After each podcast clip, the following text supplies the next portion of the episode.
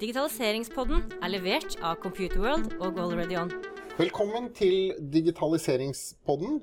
Vi er inne fra PeopleTech i, uh, uh, sammen med Computerworld. En stor uh, konferanse i Oslo. Og um, i dag så har jeg truffet en interessant kar som har vært på, på scenen. hans navn er Bernard Hecker fra Tyskland og fra selskapet Sympa. Vi tar videre intervju in English. Welcome to the Digitalization Pod. Thank you very much. It's a pleasure to be here. Did you come? You came from Germany this week? Well, actually, I came from Finland this week, yes, ah. but I, I, have been in Germany over the weekend. Yeah, because yeah. your headquarters is in uh, in Helsinki. Exactly. So Sympa is headquartered in Helsinki, but I live in Germany. In München in Munich. You know this city where the Oktoberfest currently is happening. Yeah, but isn't München and Munich the same? Yeah, it's the same. Yeah. Do you know that you can do river surfing in uh, in Munich? Well, of course I do. I live there. I, am not doing it, but yes, I, I, know that it's one of the most famous. So you find this spot in the in the books where they say these are the top ten um, surfing spots in the world. Yeah. There's Munich, where there's no, no sea nearby. Yeah.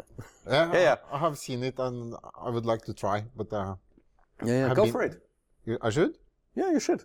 But you haven't tried. No, I, I am I'm, I'm not a surfer guide. Okay. Uh, I go paragliding, so air is my my element, oh, not see. water. But you have uh, been in the IT industry since 1989. One that, of the old that's, timers. That's that's when I started. Yes. Yeah. Yeah. Before Linux was invented. Before Linux was invented. Yes. Yes. So I, I started in the IT industry. Actually, I wanted to be a software engineer yeah. back then. Um, I did it for a while. Then I found out that there's others who are better in software engineering. Then I started a company, so I had to do sales and marketing until I learned that there's others out there who are better in sales and marketing. yeah. But I was in the great position to understand both sales and marketing yeah. and the engineering side and I understood how to bridge those two fields, and so I became a product manager, which is what I've been so doing for. So that's between sales and uh, and production.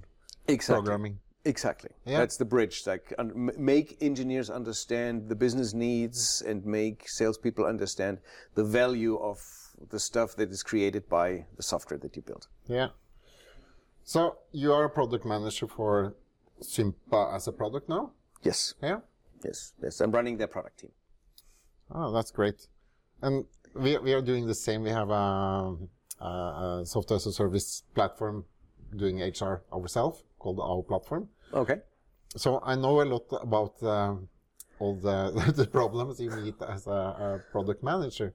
But can, can you tell about how, how it is to be like, you're making one product, but which is going to deliver to a lot of different companies or customers. What's the problem? Well, um, the problem, maybe there's not one, but there's a lot of interesting challenges that we see out there. Being a product manager, you always have to bridge and find out what is the next big thing that you have to jump on, what is the next big thing that you have to ignore, yeah. Um, what are the trends, what are the real needs of customers, what are the problems, what makes you successful in the market, what makes you stand out, that you stay relevant and people talk about you. Um, the big secret behind that is probably prioritization. Yeah. That is that is the magic word in, in product management. How to do it right. Yeah, and it's like the holy grail. Everybody is searching for it, and everybody is somehow doing it and still struggling with it. Um, specifically in the business we are in, in, on the B2B side of business, you end up getting a lot of requests from sales, mm. where people tell you on the sales side, um, I cannot sell because this and that functionality is not, not, not there. And my customer told me that they definitely have to have this and that feature. And if you don't have that feature, then we won't buy your software. Have you heard that um, customers telling for this kind of product, you absolutely should have this? Yeah, of course. This and this uh, the, feature. The, the, the, the, classical, the classical feature request. And because um, if you don't have it, it's useful, uh, use, uh, useless. Exactly, and the problem with the, the and this is one of the the, the interesting things. And um, since I'm now running a team of product managers and product owners and go to market people, um, we, we are discussing internally and we, we are renaming the word or we are re- rephrasing the word feature request to feedback and we Yeah. treat it like that. And I guess that's super important. So from the product management side, if you look into a feature request from a customer, what is that? A feature request in the most cases is the description of a solution to a customer's problem Yeah. that is unknown to you um, from the perspective of the customer and the customer's understanding of your technology. So they have a problem and they want to get rid of that problem. And then they tell you how they would fix that problem with your software. And that's the feature request. Yeah. And if you rename that to feedback, you automatically dig deeper into what is it really that we are solving for the customer? Why are we doing these things? Why do they want that specifically? Let's say a button in the upper right hand corner of the screen that says add. Yeah. Yeah. Why not in the lower right hand corner? Why not left? And all these kind of things. So what is the underlying problem? And you dig easier into this, what is the underlying problem, and you rephrase the word feature request to feedback. That's what I'm saying. Yeah, I understand. Yeah, because you have to understand the, the problem that the, the customer have. But Yeah. very often the customer also don't know how to use your product 100% because they haven't made the product. So sometimes you can solve it with education, Yeah. training. Yeah, and then you don't have to build something because you just tell them use it like that and then it works. Yeah. And if you dig into the problems, you eventually find out that you solved the same problem for another company half a year ago with it in a different way. Mm. Yeah. And this new feature request is just irrelevant because you already have a solution to the underlying problem. And You don't have to build something. Freeze your resources for the important stuff. Are you using Scrum and iterations with the backlog? Of course. Yeah. Yeah, yeah, yeah, yeah. I mean, it's a big question. Like, what do you use? Everybody wants to run agile teams, and everybody wants to be agile, and you don't get any people if you're not doing some agile processes in software engineering. So it's it's it's a matter of um, hiring, getting the right talent in the first place. And then the second thing is like, of course, it makes a lot of sense to do that because you can learn and iterate. Um, the most interesting question for me here is do we have to do Scrum or do we have to do Kanban? What makes more sense? And for which piece of the product is which process the better idea? Can, can you explain the difference between uh, The- Kanban yeah, well- and uh, The, the- Scrum? The, my, my my experience is that Scrum is um, better suited when you do experiments, when you build new things, and you when you try out and when you iterate through those. And Kanban is in a lot of cases the smarter way to do agile processes when you do maintenance of software. When you have existing existing software and you fix things and you add tiny little things, but there's no real um, massive innovation happening But in the, a the specific way piece I, of I the remember software. Kanban from uh, when, when I was at school was like you, you put um, tasks in, in a line and Yeah. then you solve it in that, One after the other. Yeah. yeah, sort of like, like that. Yeah. But that is not always the smartest way to do it because maybe you should combine some of the tasks together or, but And- it can as- still be Kanban. It, as I said, it depends on, on, on the situation you're in and the piece of software. So if you look at software like the one that we have, hmm? Sympa has been founded 15 years ago. So there's a lot of legacy. There's a lot of stuff that is just there and works, and it still needs maintenance. Yeah. but not a lot of innovation is happening in a specific portion of the software. Innovation is happening somewhere else in the software. And so we're running Scrum to 100%. I'm just thinking out loud here and saying, like, eventually, if we if we would switch to Kanban for um, the maintenance side of our product, it might make a lot more sense Yeah. because it was just continuous, continuously run through smoothly without a lot of discussions and things. Um, whereas in, in, in Scrum, you have these iterations with all these interruptions every So for We- we do two weeks sprints of- work, then it's more like Yeah. Kanban is okay because you don't need a creative process around Exactly. everything. I understand. Smart thinking. It's a maintenance Uh, process. we uh, should also talk about when we are talking about, about product, we should talk about roadmap yes. because roadmap is a plan of what you're going to make the next years. Or No. Sorry, s- sorry that I'm blunt in German and Ah, just say great. no. Yeah. Let me hear. Um, a roadmap is not a plan of what you build in the next year. A roadmap is a visionary document that talks about what you want to achieve in the future. Uh, um, so in B2B, you have a lot of constraints and a lot of dependencies in business. Customers are expecting things happen to happen in a specific point in time. In HR, you have the HR calendar. The most of the recruiting, um, at least in my in my home country, happens between mid of December and mid of January because that's when everybody freshens up their CV because they have time. You know, they avoid Christmas parties and go to redo their CVs. Um, so you have to do things at specific point in time. So I know this dependency, but on the other side, if I create a roadmap that um, tells you what is happening in the next 12 months, I'm bound to do these things in the next 12 months. Yeah, And I have no the flexibility. because the vision is more like Yeah. where you would like to go. But And, and if I if, if I do this, then I end in this in, in this unwanted feature trap where I'm only talking about features and not about the intended results for the customers, Yeah. not about the value that I'm creating for the customer. So a roadmap for me is literally like a plan of th- this is the intended outcome and that's how we get there. Mm-hmm. But it doesn't contain any dates and time. So and what we do at Sympa is we create actually two different documents. One is the roadmap. It's this visionary thing. And I have in my organization, I have a team of product managers that are responsible for the product strategy and the market analysis and the planning of why are we doing things and what are we actually building. And they own the roadmap. This now next later um, thing that f- follows that product vision and outlines that product idea and strategy.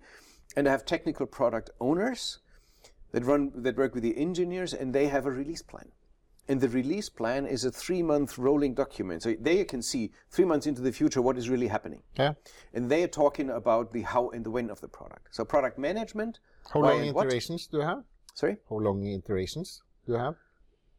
in scrum Yeah, that in in your product because you said three years, no, three month uh, that Uh, that's that's a time commitment plan. So that's the time commitment that i'm that i'm ready to make for the future Several iterations in those three months.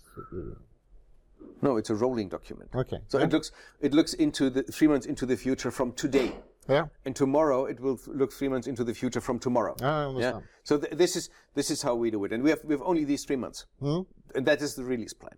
I won't make any commitments further out than three months. I don't have to. No. Luckily, I'm in the lucky situation that I don't have to, and um, it, that gives me back the flexibility that I need. Because if something pops up in the market, and I want to react fast, Yeah. how do I do that with a proper roadmap that says this is the, these are the things that I'm doing in the next 12 months? Eventually, some of those things become irrelevant within the next year, and others are more important. So I have to change my roadmap. That's so I the have to agile part. Yeah. so I have to break my promises. And of course, I will run into somebody who points fingers at me and say, well, you broke your promise because you didn't deliver according to what you promised a year ago. and it doesn't make any sense. no. Yeah. And people, and people don't. So my past experience is like people don't really need that. Hmm. There may be some edge cases where people need it, but in 99.5%, this three months works quite well. For us, it does. For our customers and for our, our people internally, it works very well. Good. Product management is quite complex, I would say. it's the fun part of the business. Yeah. Yeah.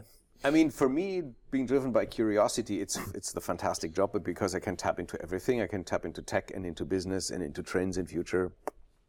But we have forgotten to talk about what what modules do Sympa actually have, because it's a HR system. Yes. What what, what kinds of that can put it into relation to to the product management uh, and the promises and uh, releases and uh, roadmaps. So Sympa, Sympa is a core HR system. So it, it contains all the core functionality. It manages all the core processes in the relationship between employer and employee end to end. It means like it starts more or less with you have been recruited. You will be member of that eh, group of employees of that company until you leave the company and you're out. Yeah, Right? And all the onboarding, processes offboarding, and the between. onboarding, offboarding, career development, um, well-being, and all the um, salary review, salary management um, reviews, all that stuff. Yeah. Yeah, we have, and we recently joined a group of companies called Tellent. We announced that two weeks ago. Tellent is a group consisting of four companies um, that work very closely together. Um, and there we expand that reach. So Recruitee is, is a Dutch company that is focusing on ATS recruitment. Um, they joined the group. We have Javelo, who is looking into 360s and, and reviews and um, um, talent management. We, we added to that group. Sympa is the core HR part for the Nordics and um, Germany and the UK for the mid-sized and larger companies. And then we have Kiwi HR, which is a self-service HR platform for SMBs.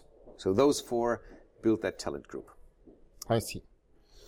You were at the scene for uh, for a few minutes ago and had a speech called Data Driven HR. That's What's- correct. What's that? So I was I was talking about how to make more use of real data when it comes to deciding and, and measuring things that you do as an HR team. Yeah. Yeah. Get out of the um, gut feeling idea part of yes, we are doing something fancy and we have the hypothesis that our employees are super happy about that into real data and looking into that. Getting out of hmm, eventually we should do something and we just do it um, into we look at data and then decide based on data what is the smart idea. When do we have to hire whom where, for example? You can read this, you, you can use data to support these decisions and not just do the guesswork. Or one example that I had is for if, if you do for employment for employee happiness, um, a dog sitting thing in your company. Uh, Yeah. You, you sit people's dogs during the day. They want to have somebody who take care of their dogs. So you do this dog sitting thing and you should measure success. Like how many people are bringing their dogs? How many people are repeatedly bringing their dogs to that thing? Is it successful or not? You cannot claim yourself being successful because you invented a dog sitting um, program in your company. You can only say that it's successful if people really use it and repeatedly use it. And then you can look Bring into the dog to the workplace? Yeah. Yeah. Yeah. Because then you're more happy because you don't have to be concerned Well, the thing about is, the. the thing is, some people have dogs, hmm? right? And they're singles. They live at home alone, and then they want to bring their dog to work hmm? because the dog can stay at home for I don't know eight or ten hours. Hmm? Yeah? So, but then the company says, no, you cannot bring your dog to that off, spe- speci- No, yeah. specific office because of your workplace is a restaurant, yeah, Yeah. or um, your workplace is a hospital, or you have somebody who is afraid of dogs, so you cannot bring the dog to that office. So companies invent these things like dog sitting. Hmm? It's like babysitting for dogs, Yeah. and it's just an example. Yeah, I'm talking about data, like But it's a cool example because at my workplace, uh, at least two dogs, maybe three, that is going around there. Yeah. Yeah. And in some companies, it's just not appropriate to have a dog hmm. in the office. uh, So companies say, like, still we want to make our employees happy, so we do a dog sitting place. And hmm. if HR, who is typically running these projects, does it, I was suggesting that it, you should look into the data. Yeah. Uh, like how many dogs are being brought, how many dogs are being brought, how often, yeah, and by that identify is this idea successful or not, and then iterate, like in software engineering Yeah. build a feature, measure is it used, collect the feedback from, from users, and then iterate. That is more or less this data driven HR thing. Look into data and iterate, like in software engineering. Yeah. And that's the data driven uh, HR. But what about the HR analysis? Is that the same? Or is that more into directly HR? Well, the, the data driven analysis is just the first step of becoming, the, the d- HR data analysis is just the first step of becoming data driven. Hmm. I mean, you can do fancy analysis and then Yeah. if, if, you, if, if you just paint f- amazing numbers in some PowerPoint slides and tell them everybody like, "Who these are the numbers," and then, yeah, what does it do? Like, for example, Sympa just and I had one slide in my slide like we have people from 40 nationalities, hmm. four zero. Like, oh, and what does that change? How does this number make the world a little better? Yeah. Just analyzing data for the sheer analysis of data doesn't make any sense. No. To become data driven, you have You to have a act on it. reason and then you have to create a value and, and, and usage out of that data. Yeah. So analysis is just the first step. Yeah. And before there, it's to collect the data, which also that's the po- uh, first problem probably. Collecting is the first problem. Like, Yeah. where do you get your data from? Yeah. Uh, so that's why these HR systems like ours, we have interoperability with a lot of different systems out there, LMS systems, um, payroll systems and providers, time in attendance, and, and, and we connect hundreds of different applications to our core platform. Yeah. So people can collect all their data So in that data platform. hub or Yeah. lake, It- kind of. It, yeah. it, it, it becomes a data hub and a data lake for HR data. That's correct. Yeah. And so collecting is the number one. And the number two, that is as important as collecting, is make sure that the quality is right. yeah. Yeah. Because, I mean, you know, like if, if you put cra- crappy data into something, you get a crappy analysis result out of it. Yeah. So you have to make sure that Good the quality old is right. IT saying. Yeah. garbage in, garbage out. Garbage in, garbage out. That's how it is. Yeah. So that's the second important thing that you just look at the look at the um, at, at the quality of the data. What kind of analysis tools are you using? Be some BI tools, Power BI, or Who people connect all kinds of different analysis tools to our platform, like um, Power BI, like Dear Lucy, and there's a few more out there. Um, but we also have our own reporting. yeah, Yeah, that can be used within the platform, um, and then because then you have ready-made reports that is easier to get out. Oh, that's yeah. Well, th- there are ready-made blueprints of reports, but it's very flexible, so people can literally report on anything that is there in data. Um, but there's one more suggestion that I made in my pitch today, and that was hire a data analyst. Yeah? Hire somebody who really understands how to dig into data as a programmer and look into data. So if your company is big enough to do that, I would really look into doing this. Data analysts may be used in other departments as well, so you can share that role with others, and you would get like amazing results out of it. That's great. I learned a lot talking with you today and felt that uh, we have some relations on the data, um, the product uh, management uh, part. Thank you Uh, very much. It was yeah, a great well, thank pleasure you for being here. coming. Takk for at du hørte på Digitaliseringspodden, levert av Computerworld og Already On.